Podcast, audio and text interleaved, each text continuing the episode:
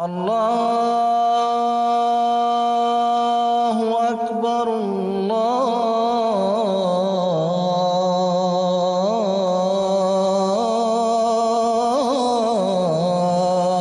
أكبر Hej kära lyssnare och varmt välkommen tillbaka till ett nytt avsnitt av Islams röst som idag spelas in live på Bokmässan i Göteborg. Mitt namn är Atershan Virk. Även tack till våra lyssnare av tidigare avsnitt som produceras av Ahmadiyya Muslimska Samfundet. Ahmadiyya-muslimer är muslimer som har anslutit sig till den rörelsen som grundades 1889 av Mirza Ghulam Ahmad som kungjorde då att Gud hade skickat honom som Messias till alla människor oavsett vilken religion de tillhörde. Ahmad kom till världen med ett budskap om kärlek till Gud och moral, rättvisa och fred mellan människor. Här på Islams röst försöker vi att lyfta fram och diskutera intressanta teman för det svenska folket. Vårt syfte är att sprida kunskap om islam här i Sverige. Vi uppskattar er återkoppling, frågor och kommentarer för att förbättra podcasten och välja teman för framtida avsnitt. Som sagt befinner vi oss idag återigen på Ahmadiyya Muslimska Samfundets monter på Bokmässan här i Göteborg. En sökning på Google ger sida upp och sida ner nyheter om mord och brutala våldshandlingar i USA och den västliga världen i övrigt. Allt detta för att skydda profetens ära.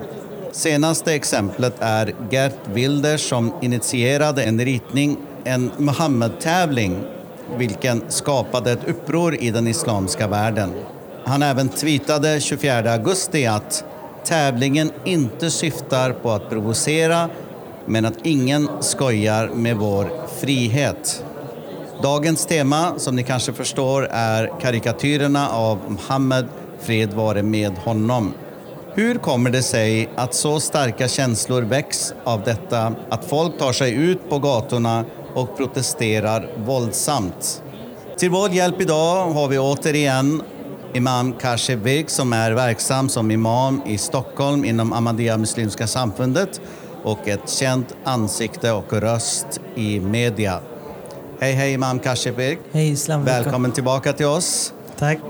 Karikatyrer om Muhammed, frid vare med honom. Skulle du kunna ge en historisk bakgrund till varför muslimer uppmanas till att inte göra avbildningar av profeten?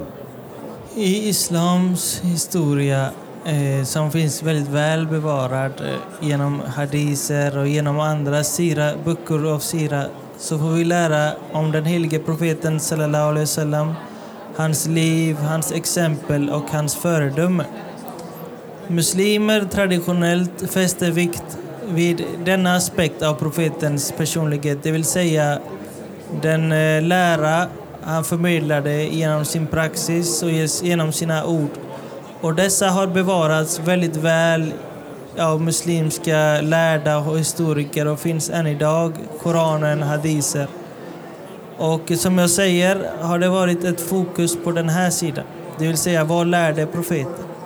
Medan samtidigt profeten kom i en tid då han avrådde araber från att avbilda levande saker. För att vid den tiden så hade araberna ett eh, förstycke. Eh, förtycke. De var politister, dyrkade avbildar, gudar och statyer. Och därför sade profeten att det här, islam lär ju Guds enhet. Och för att lära araberna Guds enhet så fanns ett eh, bildförbud vid den här tiden och man avbildade inte levande saker. Det eh, var inget tydligt förbud i Koranen men profeten avrådde många av sina anhängare att göra detta. Så vi har alltså ingen bild av profeten från den tiden. Vi vet inte hur han såg ut. Och genom historien har man upp, inte försökt sig på, eller det finns, man har försökt, men det har aldrig blivit allmänt accepterat att man avbildar profeten eftersom man inte vet hur han såg ut. En fråga som säkert många ställer sig eh, som inte är muslimer är varför har muslimer runt om i världen gjort en så, så stor sak av karikatyrerna? Varför? Eh, Du menar de här Gert Wilders och eh, Jyllandsposten, Lars Vilks och så? Ja, till exempel. det är viktigt att komma ihåg, ja, reaktionerna på de här eh, karikatyrerna har varit våldsamma. Många människor har mistit livet. Men jag tror att det skulle vara fel att säga att muslimerna har gjort en stor sak av detta. Det är de muslimerna som visas. Alltså de som agerar aggressivt, de som syns på TV. Det är inte så att de representerar 1,6 miljarder människor i världen. Utan alla ser på de här karikatyrerna och reagerar på dem på olika unika sätt. Ja, det finns de här våldsbejakande och de som sagt syns mest. Och det är tråkigt att det är så. Men det finns också de muslimer som känner stor sorg och de undrar vad ska vi göra på bästa sätt för att förmedla profetens sanna personlighet inför eh, mänskligheten så att de får veta vilken fantastisk person han var. Och om de hade vetat det så hade de inte gjort så här. Hur, hur har ni gjort det i, i Ahmadiyya Muslimska samfundet? Och ett exempel är då hur vi i Ahmadiyya Muslimska samfundet bemötte både det som skedde i Jyllandsposten och det som Gert Wilders gjorde nu. Vår respons var till exempel när Lars Vilks bilder publicerades så bemötte vår ledare Hazrat Mirza Mustura detta med en serie fredagspredikningar där han eh, klargjorde motiven bakom eh, dessa karikatyrer och han berättade också om profetens ädla exempel som vi muslim, muslimer bör sprida i världen. Så vår respons var att bemöta okunskap och ovilja, eh, illvilja med kunskap. Vi skrev artiklar, vi, vi publicerade böcker och vi höll föreläsningar och program diverse. Muhammed sallallahu alaihi wasallam och hans personlighet och biografi. Nu senast när Gert Wilders gjorde detta så har vår församling i Storbritannien anordnat Muhammed Speech Contest. Och det går ut på att både muslimer och icke-muslimer håller tal om profeten och deras uppfattning av honom. Vilket var ett väldigt positivt initiativ och, och ett event hölls även i Storbritannien City Hall där borgmästaren Sadiq Khan närvarade där man hade ämnet Mercy for Mankind, det vill säga profeten är en, välsign- är en barmhärtighet för hela världen.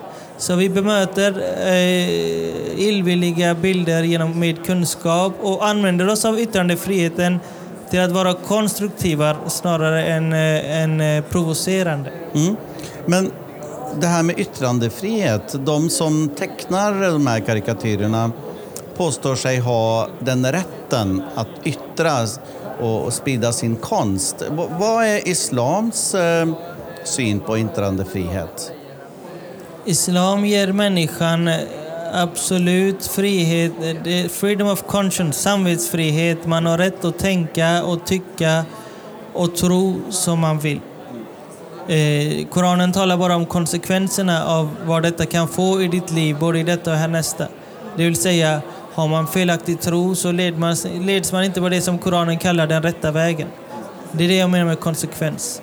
Men Koranen talar också om eh, Eh, att eh, den här eh, yttrandefriheten, det talas inte om yttrandefrihet i Koranen, men jag menar att Koranen själv är väldigt öppen i sin kritik av felaktiga doktriner och läror och hur de korrupta religiösa eliten och talar, tilltalar den på ett väldigt sätt som... Och det är inte med syfte för att provocera utan det är med syfte för att tillrättalägga saker. Så Många talar om satir som någonting som syftar till att tillrättalägga missförhållanden i samhället. Och där kan ju eh, den ha en positiv verkan på så sätt att till exempel tyranner slutar vara tyranner. Tyvärr, den, den reaktionen vi ser av muslimer gör ju så att eh, de som önskar använda satir för att provocera, de lyckas varje gång. De, till exempel nu när Gert Wilders eh, avbröt den här tävlingen så var ju det också en seger för honom. För han visste att det skulle få stort genomslag och visa på att det finns muslimer som inte kan ens tolerera att vi kritiserar hans religion. Så på så vis har den våldsamma reaktionen spelat de här människorna i händerna. Vad vi bör vara tydliga med är att använda yttrandefriheten till något konstruktivt och värna yttrandefriheten, det vill säga så att den inte får användas av krafter som vill polarisera, som vill stigmatisera eller som vill provocera fram våldshandlingar. Och vad tjänar det till att eh, muslimska människor dör i dussintal som reaktion på detta i sina egna länder och förstör sina byggnader och, och förvärrar diplomatiska relationer? Det bör inte vara... Muslimer bör reagera på ett civiliserat sätt. Mm. Vissa av de här karikatyrerna eh, antydde ett samband då mellan islam, terrorism och kvinnoförtryckning. Kan du förklara varför? Jo, men reaktion. Om man reagerar på ett sätt så att man eh, har våldsamma protester, man förstör ambassader och eh, agerar allmänt aggressivt och hotfullt så förstärker det ju bilden av islam som en religion som hyllar terror, tyvärr. Tyvärr. Så eh, muslimer måste vara väldigt försiktiga. Koranen säger att agera med visdom, ha sabr, tålamod och på ett sådant sätt så att fiendens hjärta ska ändras.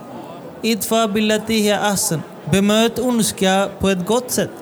Och på så sätt säger Koranen att då kommer din värsta fiende att bli din kära vän. Så denna Koranens princip bör vi också iaktta som muslimer och agera på ett sätt som både är eh, vist och som är eftertänkt. Du berättade att eh, Ahmadiyya Muslimska samfundet har reagerat på ett fredfullt sätt. Eh, sprida kunskap om Muhammad Firidarume honom, hans karaktär och hans liv. Sprida kunskap om det. Men har ni fått några reaktioner? Tycker ni att det har spelat någon roll, någon skillnad? En reaktion, jag kan börja med den reaktionen som uteblev och det var ju att media även skulle uppmärksamma de här fredliga, den här fredliga responsen, vilket de inte gjorde. De kommer aldrig till oss och vill få fram, för det är ju inte sensation att muslimer agerar fredligt, utan det är sensation att de gör tvärtom. Så mediereaktionen har uteblivit, men folk när de ser att vi sprider läror och, eh, vi sprider biografin av profeten så ser de det som något positivt, som att muslimer faktiskt gör någonting. Men tyvärr har media här inte spelat sin roll Tyvärr. eh, oftast i att få fram eh, en bred bild av hur muslimer reagerar på detta. Jag minns att jag var med i Opinion Live för ett par år sedan då Niklas Orenius bok om Lars Vilks kom ut. Och de bjöd in mig till ett samtal och eh, de talade om det här att eh, yttrandefriheten och, och de här rondellhundarna som han gjorde då. Och jag sa i det programmet att varför visar ni inte de muslimer som reagerade på ett demokratiskt sätt? Varför förstärk, vill ni inte förstärka den bilden? Ni vill förstärka den bilden att muslimer slår sönder byggnader eh, som reaktion på detta och det är inte en rättvisande bild på något sätt. Eh, vi närmar oss slutet av den här sändningen. Eh, har du själv något råd för till hur man ska möta eller hur man ska mötas mellan att helt få ut och uttrycka sig och risken för att kränka andra, om du förstår frågan? Det är djupt sårande för en muslim att se att profeten eh, hånas eller att man eh, gör satir av honom. För mig, jag skulle också bli oerhört upprörd. Men vi måste komma ihåg att allt vi gör ska göra på ett sådant sätt så att vi följer profeten sallallahu alaihi wasallams exempel. En gång kom en jude till profeten sallallahu alaihi wasallam då han satt med sin hustru Aisha och sa det Assalamu alaikum. Alltså, död vare åt dig. Må du bli förgiftad. Och han antydde bara att han säger egentligen Assalamu alaikum, frid vare med dig. Men det sa han inte. Han sa Assalamu alaikum.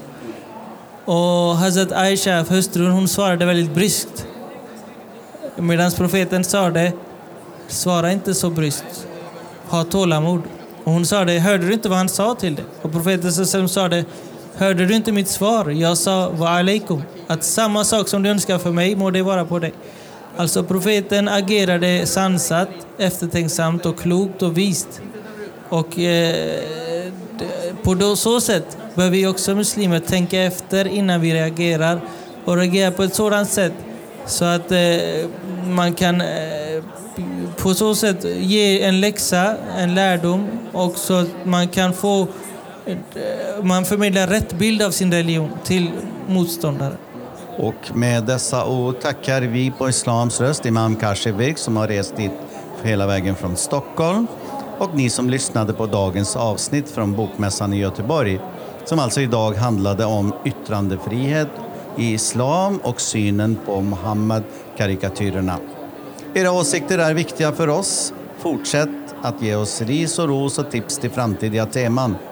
Islams röst är en produktion av Ahmadiyya Muslimska samfundet. Producent var Hannes Hubner och tekniken sköttes av Fateh Shams. Jag är Attersan Virk.